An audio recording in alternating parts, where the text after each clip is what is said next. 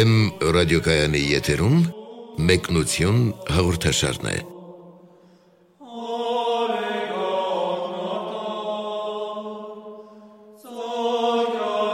Սիրելի ունկնդիրներ, Վեմ ռադիոկայանի եթերում մեկնություն հաղորդաշարն է։ Այսօր մենք շարունակում ենք զրույցների շարքը Կորինթացիներին ուղղված Պողոս Արաքյալի նամակից։ Եվ այսօր կքննարկենք Կորինթացիներին ուղղված առաջին թուղթի 3-րդ գլուխ, եւ այսօրվա մեր զրույցի որպես բնաբան ենք ընտրել դուք Աստուծո տաճար եք արտահայտությունը սույն գլխից։ Օշնյա Տեր հայր։ Աստված օշնի։ Տերեր Պողոս Արաքյալի Կորինթացիներին ուղված առաջին նամակի առաջին եւ երկրորդ գլուխները մենք արդեն քննարկեցինք եւ երկրորդ գլխում մասնավորաբար Պողոս Արաքյալը խոսում էր այն մասին, որ իր եւ իդեմս իրեն առհասարակ առաքյալների կարոզությունը Քրիստոսի խաչն է այլ բան չէ, քան Քրիստոսի խաչը։ Եվ ահա երրորդ գլուխը այսպիսի մտքով է սկսվում, որ ձեզ ես փոխանցեցի որպես ոչ թե պինդ կերակուր, այլ կաթ նկատի ունի հոգևոր խոսքը, Աստծո խոսքը, այն քարոշչությունը, որ ինքը մատակարարում էր տալիս էր կորինթացիներին։ Եթե նախորդ գլխում խոսում էր խաչի մասին, միթե հենց խաչն է, որ առաքյալը կաթ է համարում, այլ ոչ թե պինդ կերակուր։ Թե ընդհակառակը խաչի քարոզությունը առավել բարձրակարգ ինչ որ բան է խաչի քարոզություն կոչվածը ինքը ընդհանուր քրիստոնեական վարդապետությունն է եւ Պողոս Արաքյալը ընդհանրապես քրիստոնեական ուսուցումը կամ վարդապետությունը բնորոշում է խաչի քարոզություն եզրով։ Այսինքն քարոզություն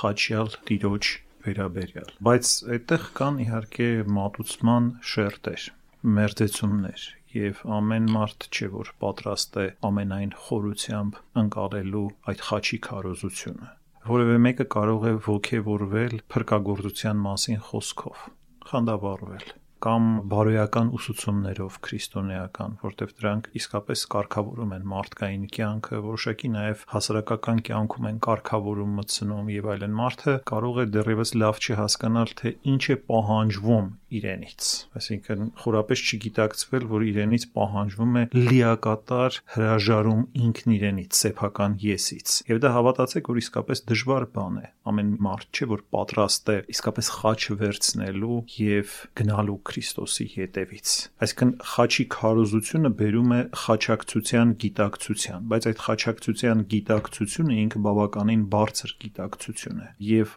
ամեն մեկը չէ որ պատրաստ է իսկապես հրաժարվելու իր հին մարդուց եւ կատարելապես այդ նորը հակնելու եւ նոր կյանքով ապրելու կամած կամած է տեղի ունենում դրա համար Պողոս Արաքյալը ասում է որ ես ձեզ կաթով կերակրեցի այսինքն նորից խոսեցի խաչյալի մասին բայց տվեցի ձեզ անհրաժեշտ բարոյական ուսուցումները տվեցի ձեզ ընդհանուր պատկերացումներ քրիստոնեական կյանքի առաքինության մասին հաղորդեցի ձեզ այն մասին թե ինչպես է Աստված եկել եւ փրկagorցել աշխարհը ինչպես է Աստված ձեզ սիրում եւ այլն եւ այլն, բայց դրան կան հաջորդող փուլեր, որ դու պետք է այդ Աստծո սիրուն պատասխանես, արձագանքես։ Եվ դա հեշտ պատասխան չէ, դա քեզանից պահանջելու է մեծագույն ճիք, մեծագույն ներքին լարում եւ ուշադրություն, պատասխանատվություն, այսինքն քրիստոնեություն միայն հաճելի խոսակցություններ չէ, եւ դրան հաջորդում են արդեն խիստ որոշակի գործեր եւ երբեմն դրանք լինում են շատ ցավոտ մարդու համար, որտեվ մեղքը չափազանց ուժգին է կպչել մարդկային էությանը եւ այդ մեղքից ազատագրվելը լինում է շատ հաճախ բավականին ցավոտ։ Դրա համար ասում է, որ առայժմ ձեզ կերակրեցի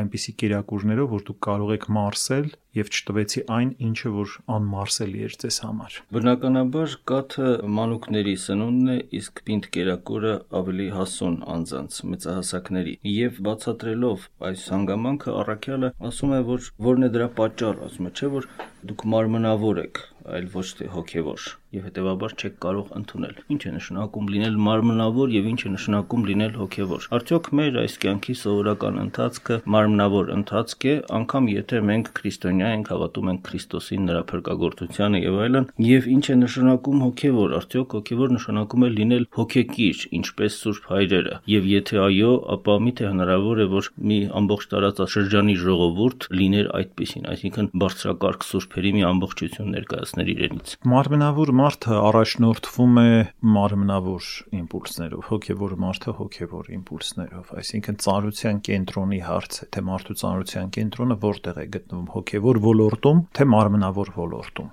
Շատ հաճախ նույնիսկ մարդիկ չեն էլ ենթադրում, որ երբ իրենք հոգևորից են խոսում, իրենք խոսում են նորից այդ մարմնավոր իմպուլսներով այսինքն իրենց հոգևոր պատկերացումները չափազանց մարմնահակ են, ծառայում են մարմնին։ Դա ընդհանրապես մի շղարշ է հոգևորը, մարմնին, այսպես ասած, հոգևոր շուք հաղորդելու համար։ Իրականության մեջ այդ բոլոր ներքին ազդակները, որ գալիս են, գալիս են մարմնական ոլորտից, մարմնական գիտակցությունից, մարմնահակությունից, մարմնախոհությունից, այն ինչ հաճելի է մարմնին։ Եվ այդ առումով այդ մարդկանց Պողոս Արաքյալը կոչվում է մարմնավորներ։ Իսկ նրանք ովքեր հոգևոր են, նրանց ծանրության կենտրոնը արդեն հոգևոր ոլորտում է, նրանց բոլոր գործերը առաջնորդված են հոգևոր գիտակցությամբ Իհարկե մարմնի համար խնամքը բացարձակապես չի անտեսվում, բայց մարմինը կառավարվում է հոգևորի կողմից։ Մարդաբանական ամբողջ կառույցը այսպիսին է, ուրեմն իշխանական հոգի եւ ծառայական մարմին։ Բայց մեղքի հետևանքով այդ կառույցը լիովին շրջվել է եւ ծառայական մարմինը սկսել է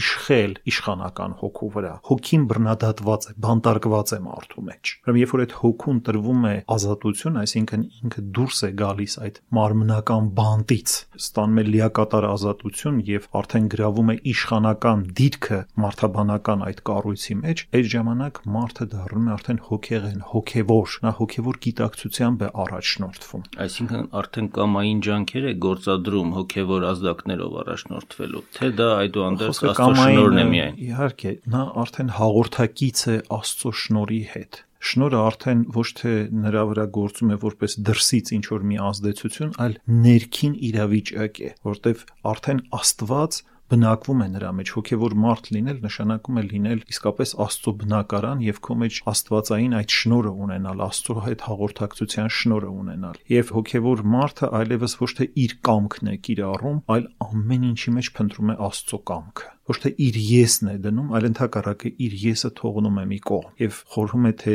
ինչպես Աստված իրեն կառաջնորդեր այս կամ այն իրավիճակի մեջ։ Դա շատ բարձր գիտակցություն է եւ այդ գիտակցությանը հասնելու համար մարդը բավականին երկար ճանապարհ պետք է անցնի։ Իսկ ինչպես է այդ գաղափարը առնչվում առաքելական թղթի նախորդ հատվածում զետեղված Պողոս Արաքյալի խաչի քարոզության այդ հիմնագաղափարի հետ։ Ըստ էության քրիստոնեական ամբողջ կյանքի ճանապարհը ինքը խաչի ճանապարհ է հենց այդ խաչի ճանապարհով հետևողականորեն խաչակից լինելով Քրիստոսին, աստորեն մարդը կամած-կամած դառնում է հոգևոր էակ, այսինքն այդ մարմնական կապը մարդու մեջ սկսում է թուլանալ, մարդը մարմնահակությունից, մարմնավորությունից գնում է դեպի հոգևորություն։ Եվ որքան որ ինքը այդ խաչի ճանապարհով առաջ է գնում, այնքան ինքը ավելի հոգևոր էակ է դառնում։ Բայց դա կենթանի խաչակցություն է Քրիստոսի հետ Եվ եթե այդ խաչակցության հոգին մարդը չունենա պատրաստակամությունը, ինքը չի կարող սնվել այն կենսաբեր զորությունից, որը գալիս է Քրիստոսի խաչից։ Ինքը չի ունենա այդ Քրիստոսի խաչի զորությունը իր մեջ, որպեսի ունենա, ինքը նույնպես պետք է խաչ դառնա, խաչակից լինելով։ Միայն այդ ժամանակ է, որ այդ խաչի կենսաբեր զորությունը այդ փրկagorձ զորությունը իսկապես կսկսի մարդու մեջ գործել։ Առաքյալը նշելով իր նամականթերցողների արժև դնելով այն հանգամանքը, որ նրանք մարմնավոր են, որոշակի օրինակներ է բերում ապացուցելու համար, որ իրական վիճակը առայժմ դեռ այդպիսին է եւ ասում է. Հիմա էլ ձեր մեջ կան կռիվ եւ նախանձ։ Չէ որ մարմնավոր եք եւ մարդկայնորեն եք ընթանում։ Երբ ձեզնից մեկն ասում է ես Պողոսյան եմ եւ մյուսը թե ես Ապողոսյան, մարմնավոր մարդիկ չեք, Իսկ արդ ով է Պողոսը կամ ով է Ապողոսը։ Պաշտոնյաներ, որոնցով հավատացիք։ Եվ յուրաքանչյուրն այն է, ինչ որ Տերը տվեց նրան։ Ես տնկեցի, Ապողոսը ջուր տվեց, բայց Աստված աճեցրեց։ Այնպես որ մի բան չէ նա, ով տնկեց, եւ ոչ էլ մի բան է նա, ով ջուր տվեց, այլ նա, ով աճեցրեց։ Աստված։ Եվ ով որ տնկեց եւ ով որ ջուր տվեց մի են, բայց յուրաքանչյուր ոք իր վարձը կստանա ըստ վաստակի, որովհետեւ Աստծուն գործակից ենք։ Աստծո այգին եք, Աստծո կառույցն եք։ Այս վերջին մտքերին իհարկե մենք դեռ կանրադառնանք, սակայն ինչ են նշանակում այս օրինակները, ինչու է առաքյալ այսպիսի օրինակներ բերում կռիվ, նախանց, Պողոսյան, Ապողոսյան ցույց տալու համար, որ կորինթացիները տվյալ պահին մարմնավոր էին։ Եվ առասարակ ոչ միայն կորինթացիները, չէ՞ որ այս թղթերը ամբողջ մարդկությանն են ուղղված։ Եվ սա շատ լավ օրինակ է, որովհետև հենց մարմնավոր լինելով նրանք կարճում էին արտաքին երևույթներից, այսինքն անձերից, թե այս անձը էս մի բան արեց, այս անձը էս մի բան արեց, ես սրա հետևորդն եմ, ես էս մյուսի հետևորդն եմ, կարճում էին արտաքին տեսանելի իրողություններից եւ չէին տեսնում իրական հոգու շարժումը, հոգու գանձերը չէին տեսնում։ Նրանք չէին տեսնում, որ թե Պողոսը եւ թե Ապողոսը նույն գործն էին անում եւ նույն հոգու կրիչն էին։ Տարբեր իհարկե գործառույթներ ունենալով Քրիստոսի եկեղեցում Մեկը կարող է ավետարաներ, որ շատ ավելի բարձր առաքելություն է, մյուսը կարող է մկրտեր, այսինքն ինչ որ մի բան ավելացներ այդ ավետարանության վրա, բայց երկուսն էլ ըստ էության այդ աստվածային գործն էին, առաքելությունն էին իրականացնում։ Բայց հենց կորինթացիները չէին տեսնում, որ Աստված է, որ աճեցնում է, որտեղ եթե Աստված չաճեցնի, ոչ տնկել է իմաստ ունի, ոչ էլ ջրել է իմաստ ունի։ Կչորանա այդ ծառը։ Այսինքն ինչ օգուտ, որ դու տնկեցիր եւ նույնիսկ ջրեցիր։ Եթե Աստված չկամենա, որ դա աճի, այդ մարդկային ճիքերը ապարդյուն կլինեն։ Ուրեմն այդ մարդկային ճիքերի իմաստը այդ աստվածային գործի մեջ է։ Բայց մարդիկ դա չէին տեսնում, էությունը չէին տեսնում այլ կարճում էին արտաքին երևույթներից։ Մարդկանց կուրքեր էին դարձնում, հավատքը վերածում էին կռապաշտության։ Մանավանդ եթե դրանք վսեմ նկարագրի տեր մարդիկ են, ինչպես Պողոսը, Ապողոսը եւ այլոք։ Սա նշանակում է, որ նրանք ըստ հոգու չէին խորհում հոգևոր իրողությունները չէին տեսնում, այլ ընդհանրապես միայն տեսնում էին բավականին տպավորիչ արտաքին կողմը։ Իհարկե, այդ արտաքին կողմը շատ տպավորիչ էր, իրենք ոչ թե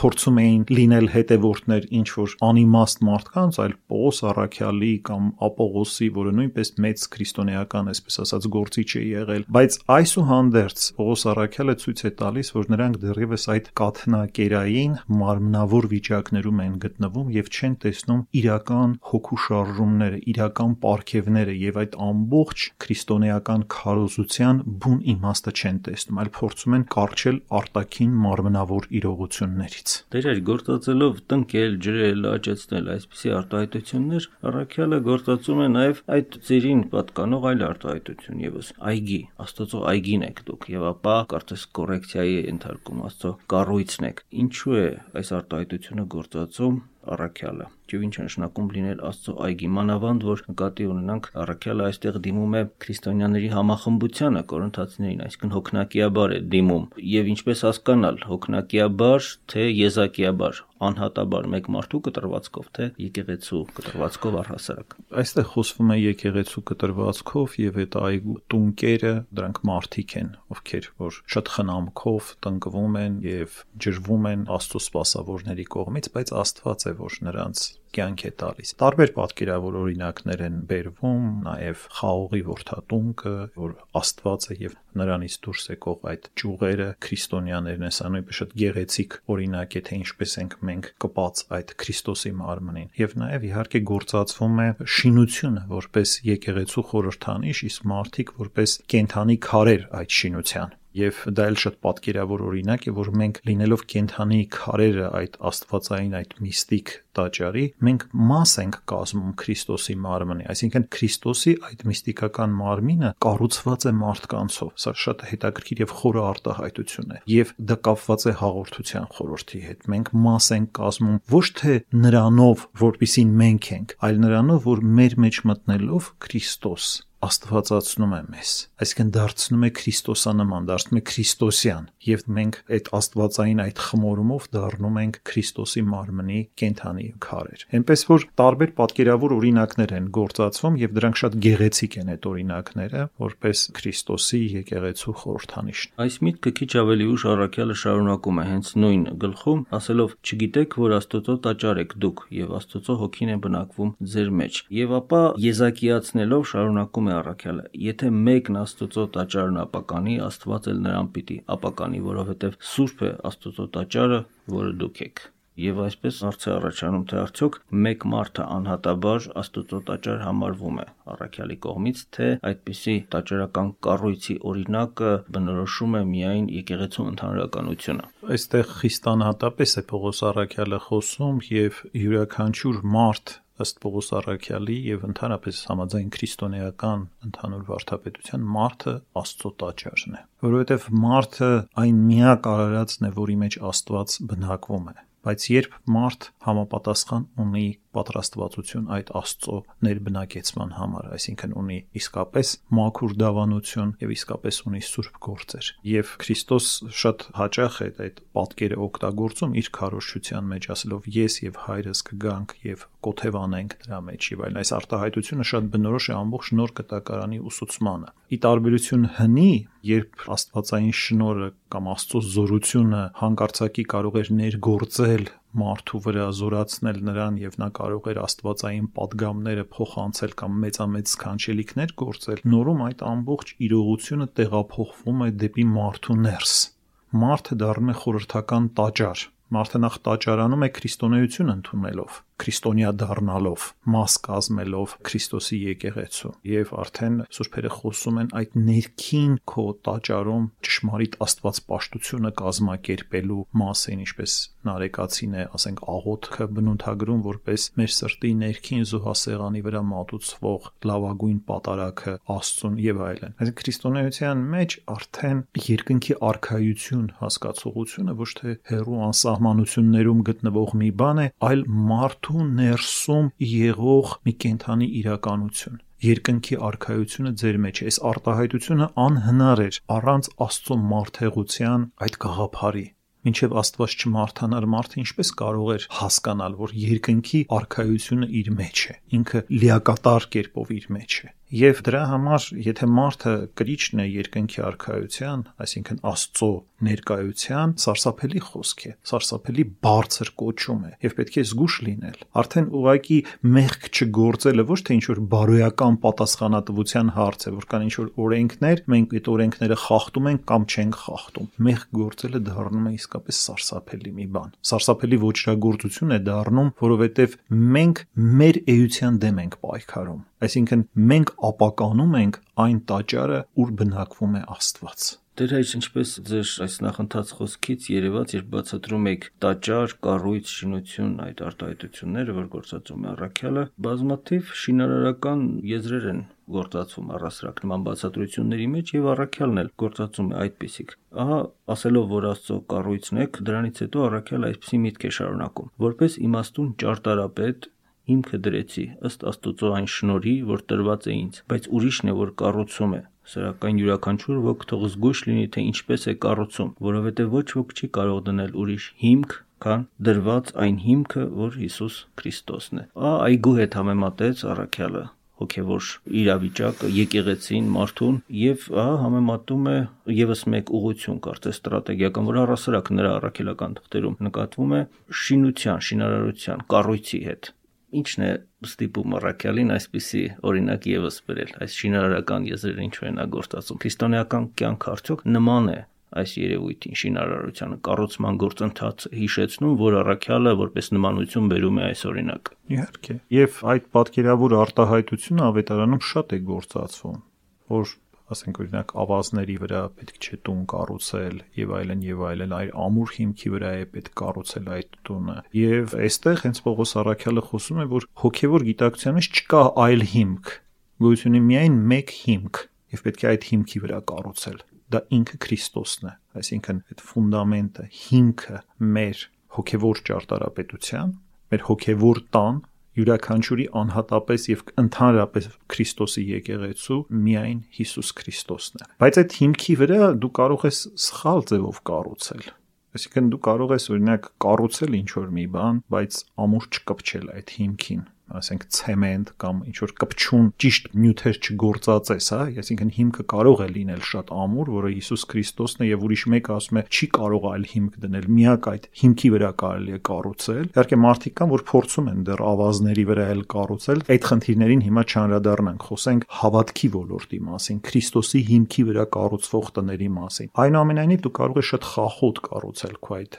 տունդ եւ մի որևէ ցնցումից կամ ահավիրքից քո կառույցը կարող է փլուզվել ուրեմն իմաստուն կերպով պետք է կարողանաս այդ հիմքի վրա կառուցել բավական չէ որ դու գիտակցես որ Քրիստոսն է հիմքը այնպես պետք է դու կպչես այդ հիմքին ինչպես պետք է ամուր ձևով նստես այդ հիմքի վրա եւ ինչպես իմաստուն կերպով պետք է այդ ամբողջ կառույցը կապես, որ դա չփլուզվի։ Առաքյալը պատկերավոր օրինակներ է գործածում այդ կառույցի կառուցման գործընթացի վերաբերյալ, ասելով. եթե մեկը այս հիմքի վրա կառուցի ոսկով, արծաթով, թանկարժեք քարերով, փայտով, խոտով, եղեգով յուրաքանչյուրի գործը հայտնի կլինի, որովհետև դատաստանի օրը այդ պիտի երևա, քանի որ կրակով հայտնի պիտի լինի, եւ յուրաքանչյուրի գործը ինչպես որ է, կրակը պիտի փորձի։ Եթե մեկի կառուցած գործը մնա, նա վարձ պիտի ստանա, եւ եթե մեկի գործը այրվի, նա պիտի տուժի, թեև ինքը պիտի փրկվի, բայց նման մեկին, որ կարծես կրակի միջով անցած լիներ։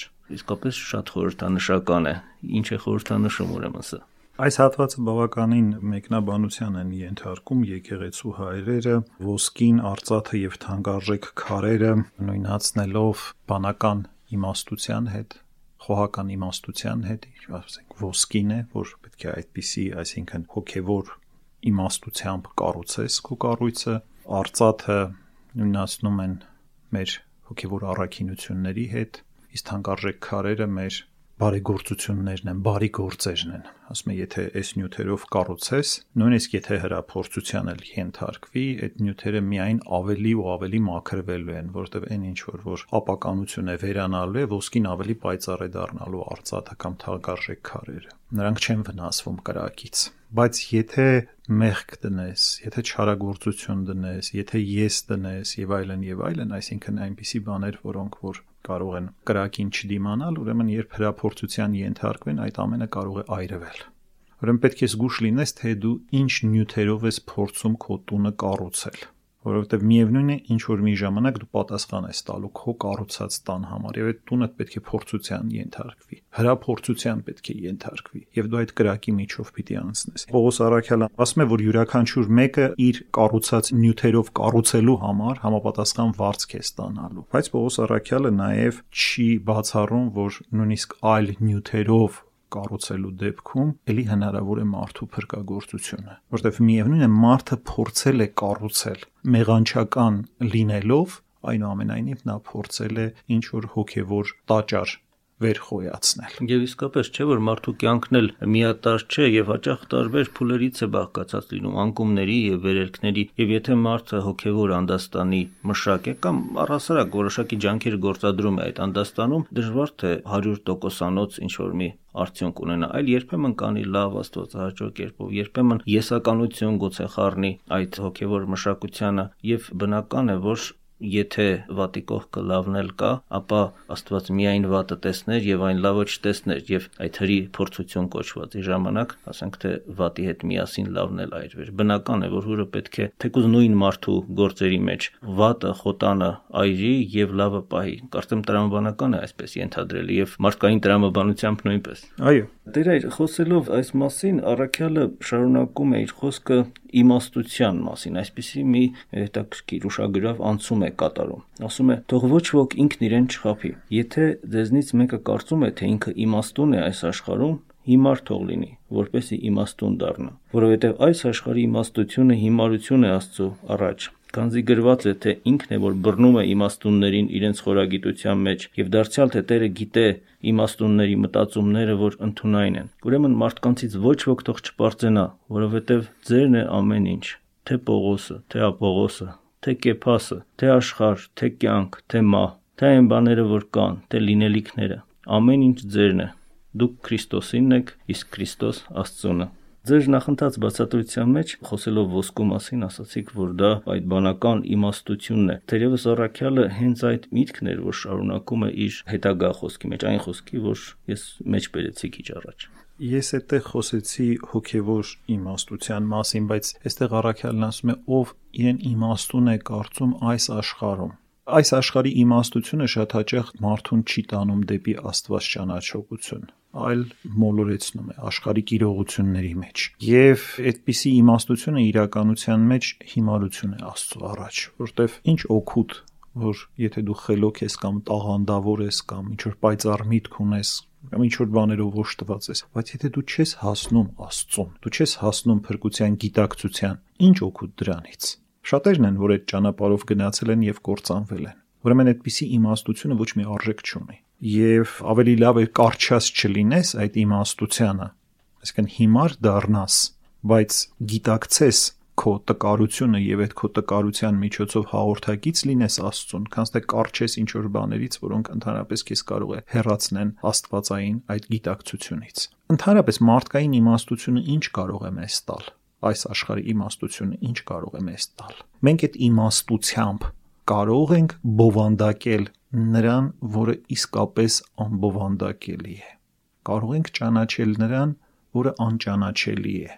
թե իմաստությունը որոշակի ճանաչողական ճանապարհ է, բայց Աստված անճանաչելի է։ Ուրեմն նշանակում է այդ իմաստության մեխանիզմները, այդ տրամաբանությունները Աստված ճանաչողության մեջ չեն գործում։ Դրա համար Աստվածաբանության շատ ավելի կատարյալ ճանապարհ է համարվում բացասման ճանապարհը, որովհետև դու ի վերջո չես կարող Աստծո մասին ասել, թե ինչ է Աստված դու կարող ես ասել ինչ չէ Աստված եւ հետեւողական բացասումների ճանապարհով գնալով հասնես Աստծո հետ միավորման այս բացասումների ճանապարհը համարվում է քրիստոնեական աստվածաբանության մեջ շատ ավելի կատարյալ ճանապարհ քան պնդումների ճանապարհը եւ դու փորձում ես Աստծո մասին ինչ որ բան ասել որտեղ քո ցանկացած արտահայտություն քո ցանկացած միտք արդեն իսկ մտցնում է սահմանափակություն իսկ Աստծուն դու չես կարող սահմանափակել ուրեմն մենք այստեղ նորից տեսնում ենք աշխարհիկ իմաստ իմաստության սահմանափակությունը, վերջավորությունը։ Եվ երբ դու դրանից չես կարճում, երբ դու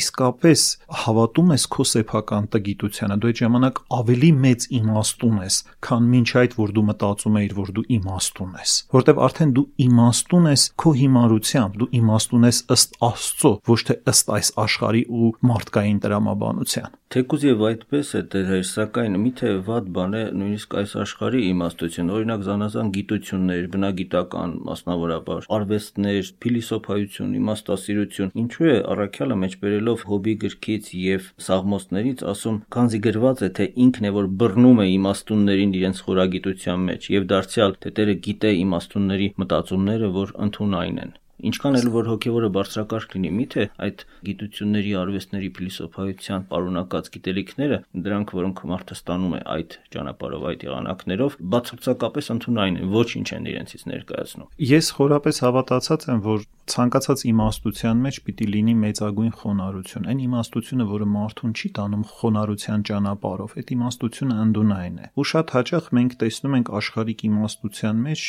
ի սարսափելի մեծամտություն որը մարդուն կտրում է աստվածային իրականությունից։ Այսինքն իրական իմաստությունը քո տգիտության խորագույն գիտակցությունն է։ Եթե դա չգիտակցես, դու չես կարող երբեք իմաստուն լինել նույնիսկ այդ փիլիսոփայության մեջ էլ, հա, որ ասում են, որ ես հասա նրան, որ ես ոչինչ չգիտեմ, հա, ես ճանաչեցի իմ ոչինչ չիմանալը, ես իմացա իմ ոչինչ չիմանալը։ Ուրեմն սա բավականին բարձր կարգ է երբ որ դու հասկանում ես ու տեսնում ես քո վերջավորությունը եւ սահմանափակությունը սա պարարտ հող է այդ անսահմանի հետ հաղորդակցության եթե դու ուզում ես անցում կատարել դեպի անսահմանություն անվերջություն անըմբռնելիություն դու որոշակի կերպով պետք է քո սահմանափակությանը անդրադառնաս թե չէ անվերջ կարող ես ինքդ քեզ ողքեվորել տարբեր ճակերտավոր իմաստություններով եւ այդպես էլ մնաս այս աշխարհիկ խապկանքներում ես հավատացած եմ որ ցանկացած տեսակի ճշմարտություն եւ ճանաչողությունը այդ ճշմարտության մարդուն առաջնորդում է դեպի լույսը, դեպի Աստվածայինը։ Բայց շատ հաճախ մարդիկ դրան խառնում են սեփական եսի, ճղճին պատկերացումների, գիտեք, այսպես խապկանքներ եւ գնում ու մոլորվում են։ Այսինքն իրենց համար ստեղծում են հարմար անկյուններ, այդ անկյուններից չեն ուզում դուրս գալ եւ ընդհանրապես տեսնել կյանքի ամբողջությունը։ Որտեւ հարմար է այդտեղ նստել եւ կոսմետիկ խոսակցություններ վարել կյանքի, փիլիսոփայության, արվեստի եւ այլ, բայց ի վերջո մարդը ուր է գնում Որն է մարդու կյանքի նպատակը։ Եթե մարդը Աստծուն չի գտնում, ինչ օգուտ նրանից, որ ինքը երկու ֆորմուլա ավել գիտի կամ պակաս գիտի, դրանով ինչ է փոխվում։ Միևնույնն է, այսինքն այդ գիտելիքի ծավալը կամ այդ ճանաչողության, այսպես ծավալը այսօր անսահման է արդեն գրեթե դարձել։ Դու 1%-ը չես կարող իմանալ։ Հիմա այդ 1%-ը իմանալով կամ չիմանալով ինչ է քեզ մոտ փոխվում։ Եթե դու չես հասել Աստծուն, Եթե դու երջանիկ չես, եթե դու սերը չես վայելել Աստվածային, ինչ հոգուտ մեկ կամ երկու բան ավել պակաս իմանալուց։ Ես գիտեմ, որ ոչինչ չգիտեմ, ասում էին անտիկ փիլիսոփաներից լավագույնները։ Եվ ձեր վերած այն օրինակը աստվածաբանության բացասումների ճանապարհով ընթանալու թերևս ինչ որ աղերսներ ունի այս բարձրակարգ փիլիսոփայական մտածողության հետ, որ մարդը ասելով թե Աստված այս չէ, այն չէ, ինչ չէ, կարծես թե հանգում է մի մեծ չգիտեմի եւ քանի որ չգիտեմ, ապա խոնարհություն, քանի որ չիմացողը խոնար է իմացողն է որ բարձր է եւ եթե մարդ գիտակցում է որ ինքը խոնար մեկն է ապա Աստված է հայտնվում նրան եւ հայտնում իր ճշմարիտ էությունը նրան թե ով է ինքը։ Հենց Սուրբ Դիոնեսիոս Արեոպագացին դա անվանում է Աստվածային մեկ, այսինքն անթափանց խավար, եւ այդ Աստվածային մեկի մեջ նա ասում է, որ այլևս ոչ մի բառ չի աշխատում, ոչ մի միտք չի աշխատում ոչինչ չի աշխատում այդտեղ։ Եվ այդտեղ տեղի է ունենում մաքուր հաղորդակցությունը Աստծո մաքուր էության հետ։ Քանի դեռ կան ինչ որ աշխատող բաներ, նրանք միշտ սահմանափակություն են մտցնում։ Ուրեմն հետևողական բացասումների ճանապարհով, մի կողմ նետելով բոլոր սահմանափակումները, մի կողմ նետելով բոլոր սիմվոլները, ամեն բան, որը կարող է սահմանափակել մեր պատկերացումների մեջ Աստծուն, երբ մենք այդ բոլոր սահմանափակությունները մի կողմ ենք դնում, մեր հոգին կատարելապես բացազատվում է, անկաշկանդ է որևէ մեր ստեղծած մարդկային պատկերացումներից եւ տեղի է ունենում մաքուր հաղորդակցություն Աստծո մաքուր էության հետ։ Շնորհակալություն Տեր հայր, տվեք սրանով եզրափակել մեկնություն հավելվածի մեր այսօրվա զրույցը։ Տեր Մեսրոպի հետ մեր հաջորդ զրույցը նախատեսել ենք Սուրբ Պողոս Առաքյալի Կորինթացիներին ուղղված առաջին թղթի 4-րդ գլխի մասին։ Օշնյա Տեր հայր։ Աստված օրհնի։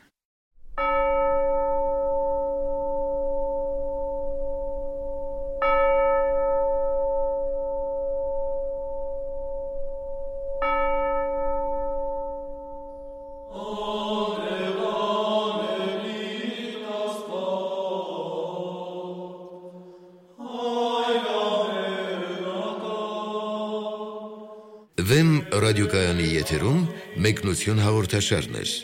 Զրույցը վարեց Արաս Սարգսակյան Նալչաջյանը։